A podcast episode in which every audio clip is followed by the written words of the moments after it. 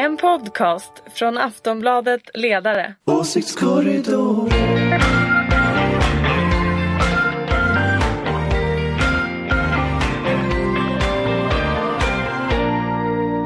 Hej och välkomna till Åsiktskorridoren. Vi är mitt uppe i sportlovssäsongen i Sverige.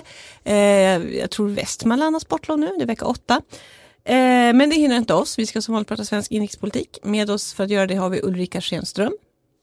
Halloj! Och hon är moderat och Yes. snart vd för den gröna liberala tankesmedjan Fores. Fores. Eller Inte riktigt än. Inte riktigt än. Det där kommer, hur många gånger kommer han säga sådär? Varje ganska gång. ofta är det- Varje avsnitt ja. är det likadant. Ja, men vi har också med oss från Aftonbladets ledarredaktion har vi Jenny Wennberg Hej hej. och eh, Anders Lindberg från samma ställe. Hej. Och jag heter Anna Andersson och när vi spelar in det här så ska vi säga att det är måndagen den 17 februari. Eh, det är precis efter lunch. Så att eh, vad som händer sen det kan vi tyvärr inte prata om för vi är inte synska. Jag önskar att vi var, men det är vi inte. Eh, men vi ska gå rakt på, vi ska prata slöjförbud ska vi börja med.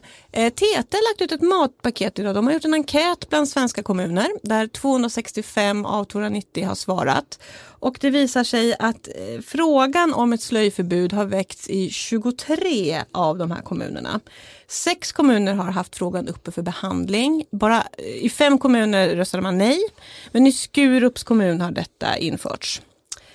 Eh, så det handlar ju mycket om skolor, det handlar, alltså elever, ska de få bära slöja eller inte? Och Skolverket har sagt lite preliminärt sådär att, att man kan inte förbjuda elever att bära slöja eftersom det, det bryter mot religions och yttrandefriheten. Eh, men kommunerna kan ju naturligtvis eh, göra så här ändå och sen så får väl frågan prövas helt enkelt. Eh, om någon bryter mot eh, påbudet. Eh, varför driver de såna här fråg- kommuner, så många kommuner frågor som verkar bryta mot lagen? Vad handlar det här om? Populism. Symboler. Symboler, eh, populism säger Jenny, vad säger Anders? Mm, Symboler och populism. Okej, Ulrika, vill du?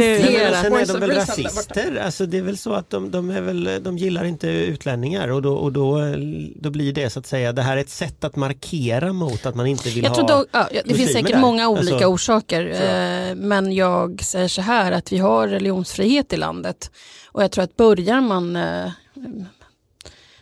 tagga lite på det där och, och så, så tror jag man är på en farlig väg framåt. Men de menar Men ju vi bestämmer själva... ju inte ens själva detta utan det här är ju en del av internationell rätt. Det finns ju reglerat i EKMR, alltså Europakonventionen om mänskliga rättigheter som ju är en del av svensk lagstiftning.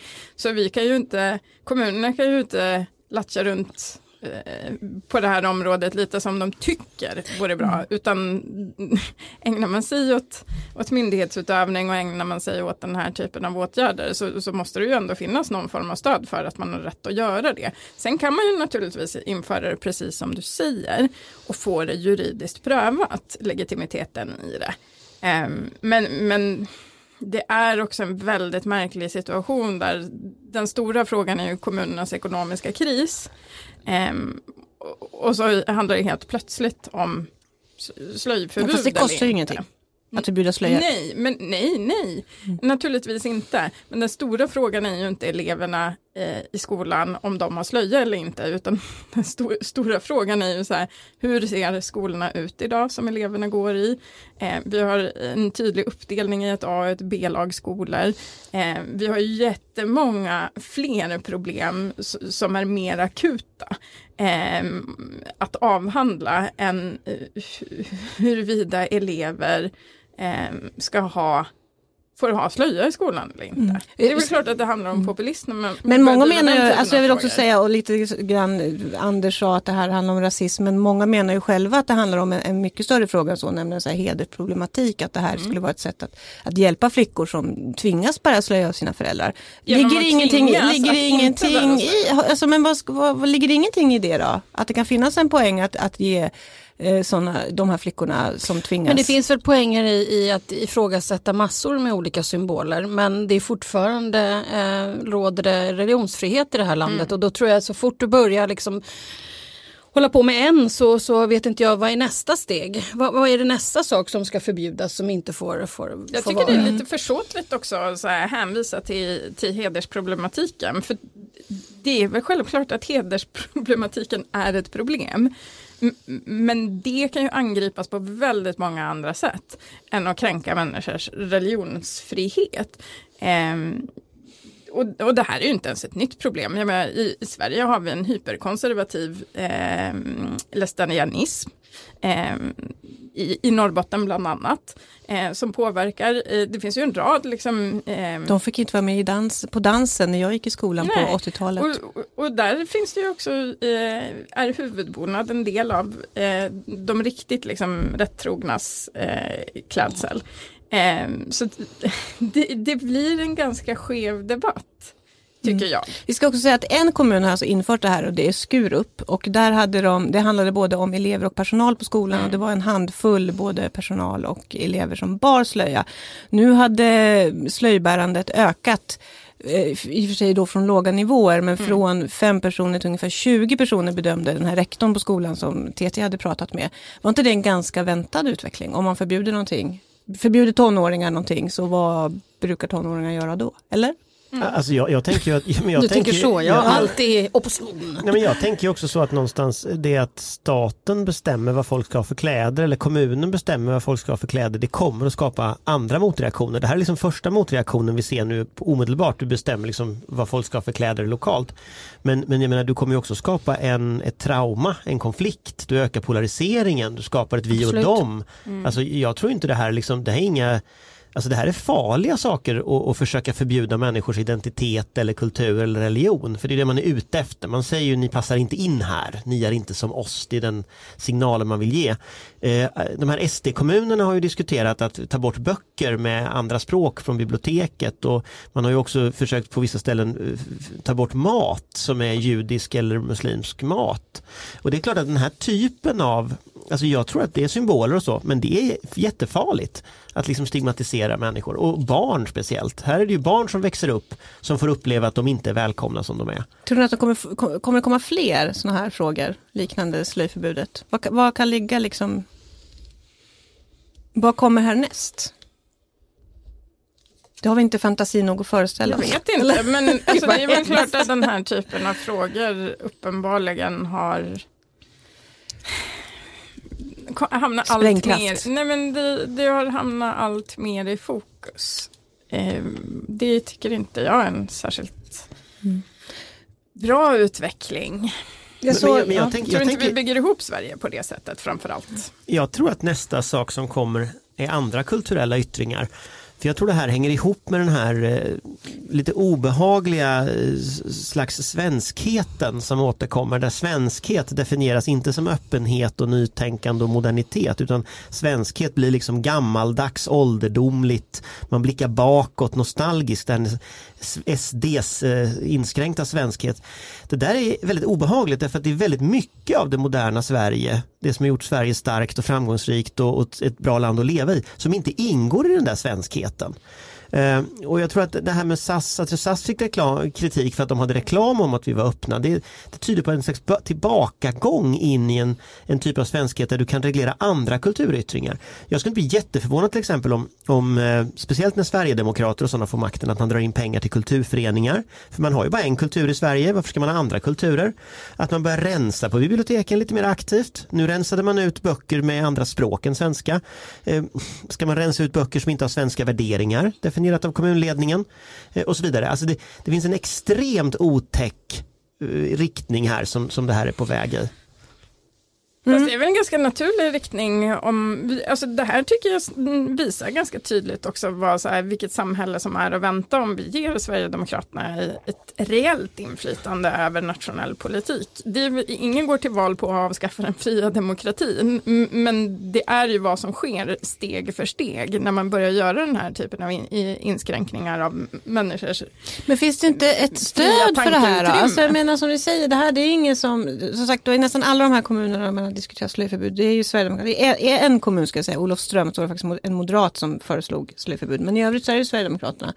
Det, det, så- Sverigedemokraterna växer jättemycket vill inte folk ha det så här då? Fast, fast jag tror i grunden att eh, demokrati inte är att man ger människor vad människor vill ha bara rakt av. Utan demokrati är ett komplext system av, av minoritetsskydd, av skydd för vissa rättigheter, av, av eh, pluralism, av mångfald.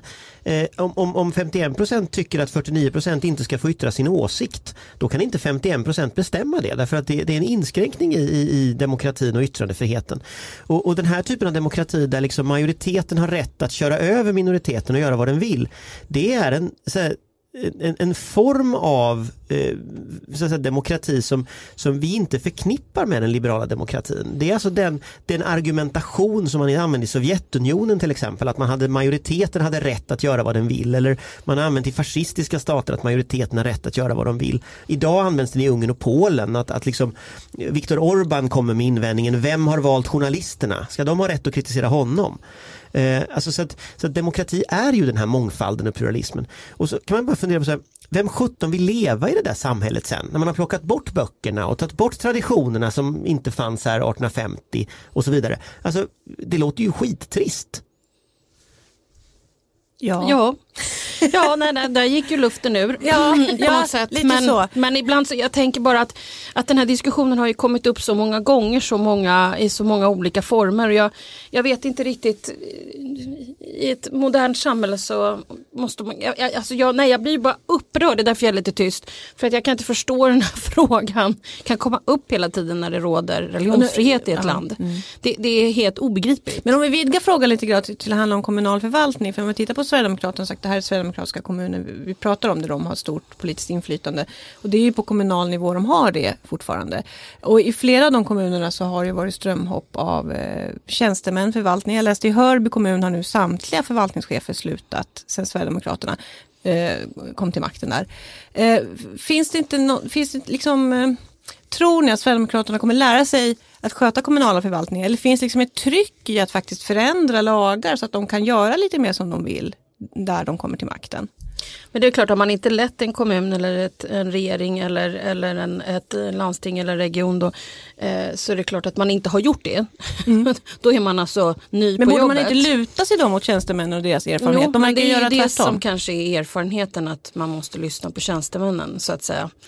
Um, det är mm. väl det är väl kanske sagt, det här med, med slöjförbudet, nu går man ju fram liksom mot då de kommunala tjänstemännens råd som säger så här, nej men det där är inte lagligt att göra och så gör man det ändå. Och då tänker jag, alltså, kommer man att fortsätta med den taktiken? Ja det gör att, liksom, man säkert, för att jag menar, kan man göra det en gång så kan man väl göra det flera gånger, absolut. Nej, men sen, sen tror jag att det finns en, en instinkt hos vanligt folk eller vanliga liksom, demokratiskt sinnade människor. Den är ju också att backa de här konflikterna. Du kollar på SAS till exempel, de plockar ner sin reklam. De fick massa så här, ryska troll och nazister efter sig, så plockar de ner reklamen. Liksom. Eh, och skickar sen upp den igen. och sen la de ju upp den igen när de fick kritik för att de tog ner den. Men den hattigheten, liksom, eller i Norrköping där man då eh, SD polisanmäler en, ut, en, en, en utställning för att de pratar om nazism.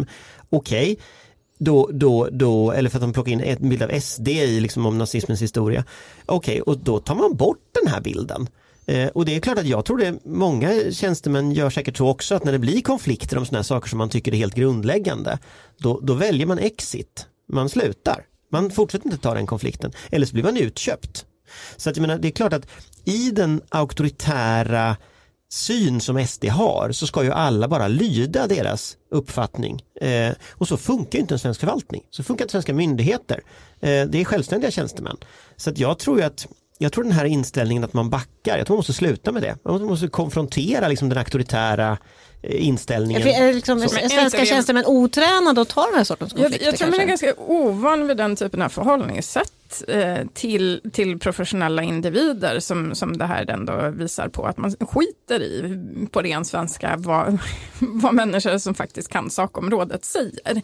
Eh, sen, sen är det väl också så att svenskar generellt är ganska konflikträdda. Vi backar hellre tillbaka än, än liksom stå, håller gränsen. Eh, och, och det är ju naturligtvis farligt. Eh, det tror jag absolut är något som riskerar Alltså vi, vi, be, vi, behöver stå fasta vid att vi faktiskt står upp för våra demokratiska värderingar, vi som gör det. För annars finns det ingen där eh, som försvarar liksom Sverige mot den här typen av krafter. Och det, det är väl klart att så här, jag har jobbat på tidningsredaktion eh, under ja, snart 20 år. Eh, den utvecklingen man kan se eh, i reaktioner är väldigt tydlig. Och när man från högerns håll Tired of ads barging into your favorite news podcasts? Good news. Ad-free listening is available on Amazon Music for all the music plus top podcasts included with your Prime membership. Stay up to date on everything newsworthy by downloading the Amazon Music app for free or go to amazon.com slash news ad free. That's amazon.com slash news ad free to catch up on the latest episodes without the ads. Eh. Eh, Kallar du mig höger nu helt plötsligt? Men, men jag tycker också så här, Hoppla, hoppla. Vi, vi, vi har ett väldigt förljuget samtal idag om vad vanligt folk, citationstecken, eh, tycker och tänker. Därför att eh, väldigt ofta när vi får de här väldigt starka reaktionerna, som på SAS-reklamen, så är det väldigt uppenbart i det som kommer in i ens inkorg och i det som sker, att det här är inte alls vanligt folk. Det, här, det här handlar om något helt annat. För Menar man- du att det är organiserat eller menar du Ja, att det är... vi, alltså absolut. Ehm, Men det är väl det vi har sagt här ganska länge. Klipp er, skaffa ett jobb och lämna Twitter. Det är ju liksom ingen idé att sitta och titta på de där grejerna som händer där. Så kan vi ju ha vår, våra diskussioner någon annanstans. För det börjar ju bli liksom bisarrt. Ja, vi, alltså hellre ett torgmöte eller... Ja, eller en DN Debatt var tionde dag kanske. Those were the days när en debatt Jo, men det går inte att hävda att så här, ja, men vanligt folk tycker så här. För det, det är inte vanligt folk som reagerar. För där är inga normala reaktioner heller på, på ett väldigt, ja men som, om vi Och så tar blir det SAS-klippet. Det, det, det finns ingenting att provoceras av i det för en normal människa. Ehm, så då, och då är det ju när vi får de här starka reaktionerna, någonting helt annat som är i görningen. Men då men det kan man också fundera på liksom, alltså varför SVT till exempel, de nappar ju nästan alltid på det där. Alltså kollar man på normala inslag idag i Sveriges Television Nyhets Agenda i år, som vi hade till exempel. Det, det, det, det, är liksom, det är nästan dikt an en, en Twitter, Twittersamtal. Det är till och med de personerna som brukar vara och drälla omkring på Twitter Det som gör, väl också, det gör väl Aftonbladet också vi ska vara ärliga. Alltså vi det gör vi ju också, också... det, det, gör ju, det gör ju, skulle jag säga, alla medier. Alltså det, det finns ju en så, men jag tänkte SVT igår var ju så extremt typiskt att det var liksom Twitter-diskussionen som var inflyttad i studion. det handlar om, om, Om om ungdomsrånen var det igår. Mm. som handlade om. Eh, men det var också de personerna som brukar vara aktiva på Twitter, eller vissa av dem som var i studion eh, till och med. Eh, men, men att, att liksom media till exempel, man säger så här, ja men det har varit en storm, står det i media, liksom på Twitter. Så här. För det första, det finns ingen storm på Twitter. Det finns ingen på Twitter. Alltså det kan inte vara en storm liksom så. Och för andra, när man tittar på det, då är det så här tre kommentarer från troll liksom som, som är Att arga på ungdomsrånen någonting. har ju ökat. Ska vi säga. Ungdomsrånen har ökat. Ja. Men man kan ju spegla dem på olika sätt. Man kan ju spegla dem genom Brå, eh, forskare, vetenskapspersoner eller man kan sp- spegla dem genom en arg polis eller man kan spegla dem genom alltså, olika saker. Så att det är klart att man väljer sina vinklar som journalist. Och, och hänger man för mycket på sociala medier då tror jag man blir rätt, eh, jag tror man får väldigt konstig Och verklighetsbild. väldigt skev verklighetsbild. Ja. Mm. Och så sitter man i ett mörkt rum och kollar på Twitter istället för att resa runt i landet kanske. Ta ett äpple och ett varv runt kvarteret. Mm. Istället. Det är en bra grej. Ja. På Twitter kan ingen höra dig skrika. Eller alla hör det skrika. Alla hör det Det är skrika. det, det som är det värsta. Nej men det, det är ju väldigt tråkigt att det har blivit så. Så att jag, jag, jag, jag Ja, Okej, jag tror vi lämnar det där för nu och så går vi vidare. Vi ska prata om, eh, om rosornas krig. Har det kommit tillbaka? Det känns som liksom blast from the past. Man har hört talas om rosornas ja, men någon måste gånger. ju göra något. Men i fredags så tutade LO i stridsluren på DN Debatt. De ska på DN Debatt. Det var, inte, det var inte på Twitter, de tutade Som inte. på Mats Bergstrands tid och det var stor, forn, fornstora dagar. Ja, då skrev i alla fall eh, ordförande Thorvaldsson att nu måste Socialdemokraterna börja sätta jämlikheten före januariavtalet. Eh, De eh, hade ett antal förslag där från LO att man skulle höja pensionerna rejält med många tusen i månaden tror jag det stod. En reglerad arbetskraftsinvandring, rör inte arbetsrätten, bet- förbättra sjukförsäkringen, höj skatten för de rika och så vidare. Och så vidare.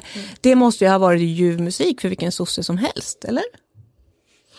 Ja det skulle jag säga, det, utom de som Utom jobbar de som sitter i regeringskansliet då. Men, men, nej men det LO säger är ju det som sossarna tycker. Eh, och det, det här blir ju så konstigt att liksom LO måste rasa mot Löfven för det Löfven tycker. Det, det blir ju liksom inte svensk Men, politik men just han, de måste ju göra det med tanke Ja, på men januariavtalet. Och, och gör de inte de det, då, då börjar man verkligen undra. om Du menar, inte- vem, vem måste göra vad? LO måste LO, rasa?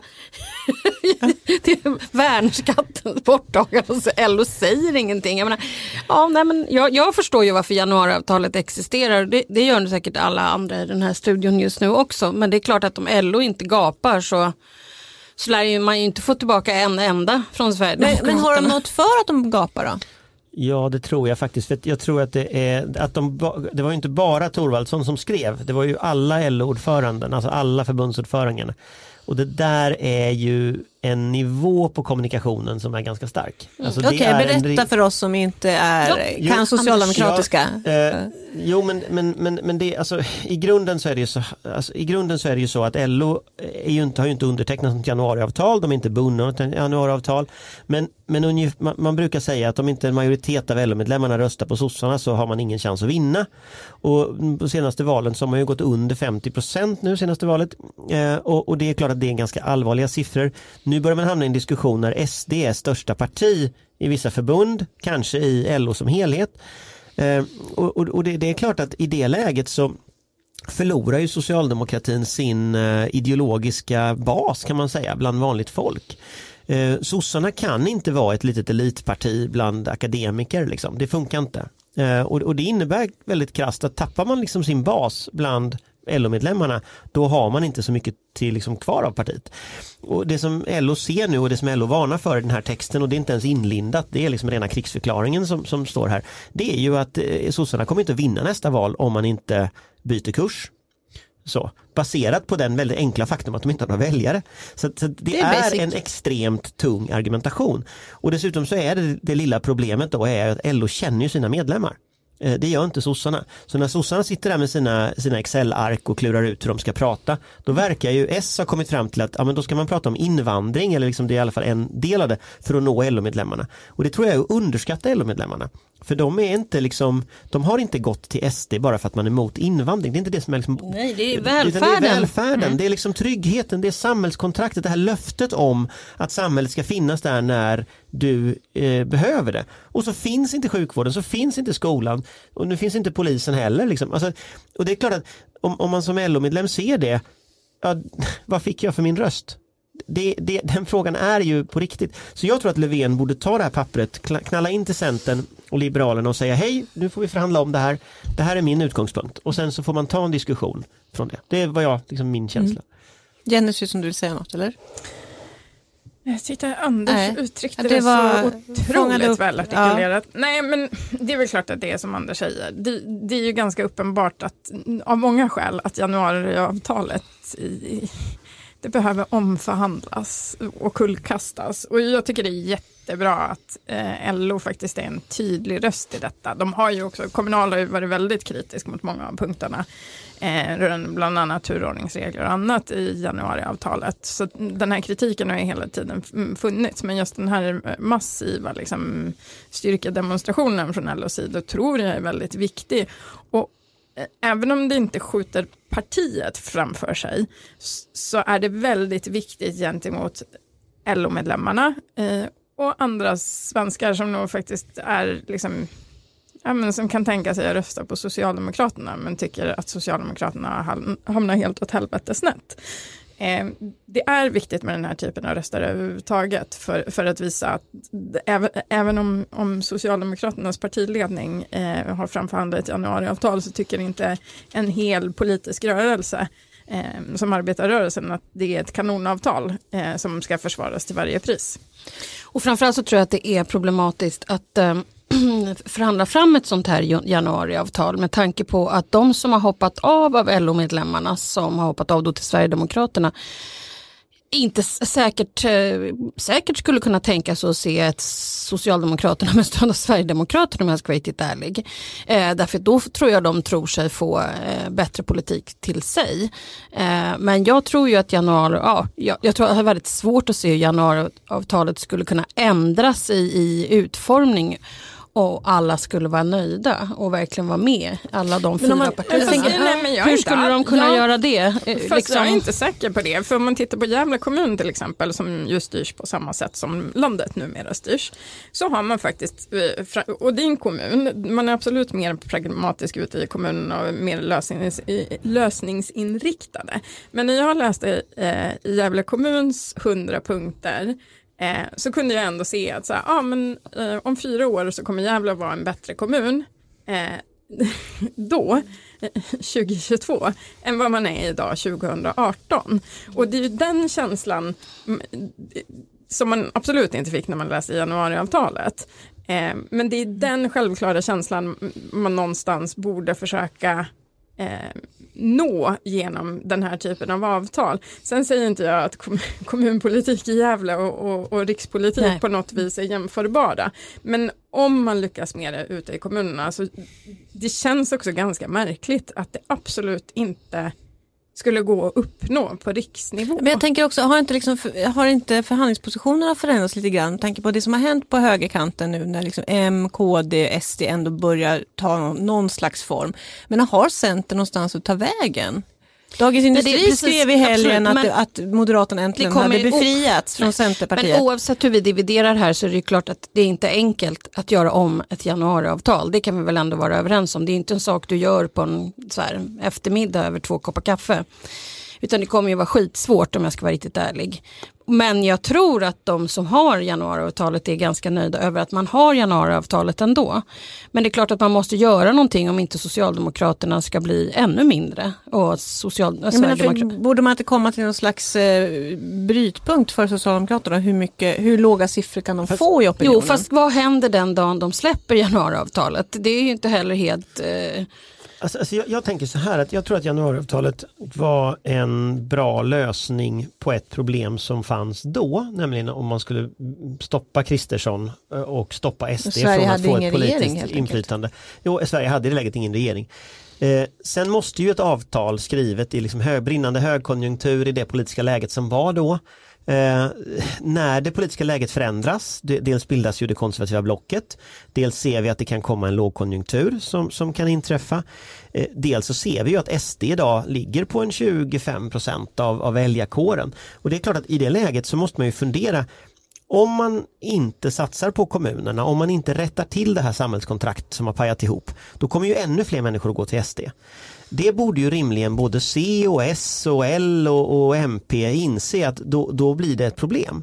Så, att- så att jag tänker ju att även, jag tror att alla partier har liksom ett intresse här av att hitta en, en idé som kan hålla över nästa val. För sen om man ska vara helt ärlig, alltså tittar vi på opinionsmätningen nu, när Kristersson borde ha ett jättestarkt mandat, när liksom man, majoriteterna i opinionen har skiftat liksom, eh, fullständigt. Ingen håller med regeringen, alla bara skrattar åt Stefan Löfven. Hade det varit val idag hade han varit statsminister ändå. precis. Alltså, eh, det här sa vi förra avsnittet också. Ja, nej men, och det gör ju att den långsikt, att då borde ju liksom de fyra januariavtalpartierna fundera på hur gör vi det här långsiktigt? Är det så att alla de här sakerna måste hända den Tror här du att, eh, mandatperioden? på, kan man skjuta upp det händer till det? nästa Sitter de och klurar tillsammans? Det vet jag inte men de borde. Men, men frågan här nu framöver är ju vem det är som kommer att ta över LO. Det är ju en ganska viktig fråga om det är någon som verkligen har eh, guts och, och eh, vilja och, och mo, är modig nog att, att göra någonting åt det här. Och fortsätta det här och inte bara skriva en debatt.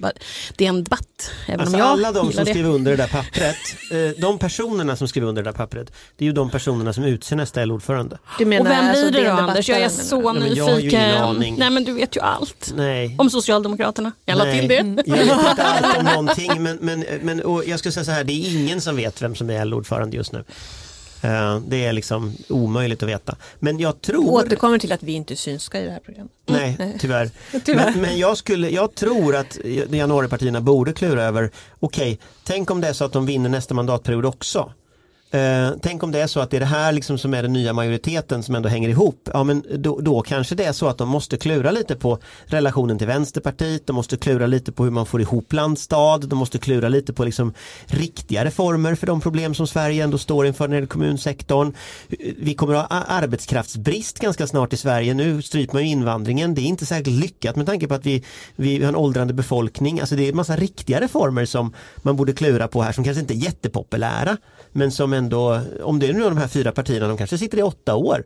Ja, de kanske alla fyra ska sitta i regeringen. Surprise, Nej, men alltså, jag, jag tycker någonstans att då, då, borde det liksom, då borde det vara de diskussionerna vi har istället. Och det, nu har vi ju inte det liksom, för det alla ska hålla det här januariavtalet som, som spikades någon natt någon gång för länge sedan. Liksom. Det är ju fel så fokus. länge sedan. Ja, Ja, det är fel det som vi... jag. länge sedan! Jag, jag tror faktiskt att det där fick bli sista ordet. Vi säger tack och gör för den här gången. Tack Ulrika Schenström, Jenny Wernberg och Anders Lindberg. Vi hörs nästa vecka. Hej då! Hej hej!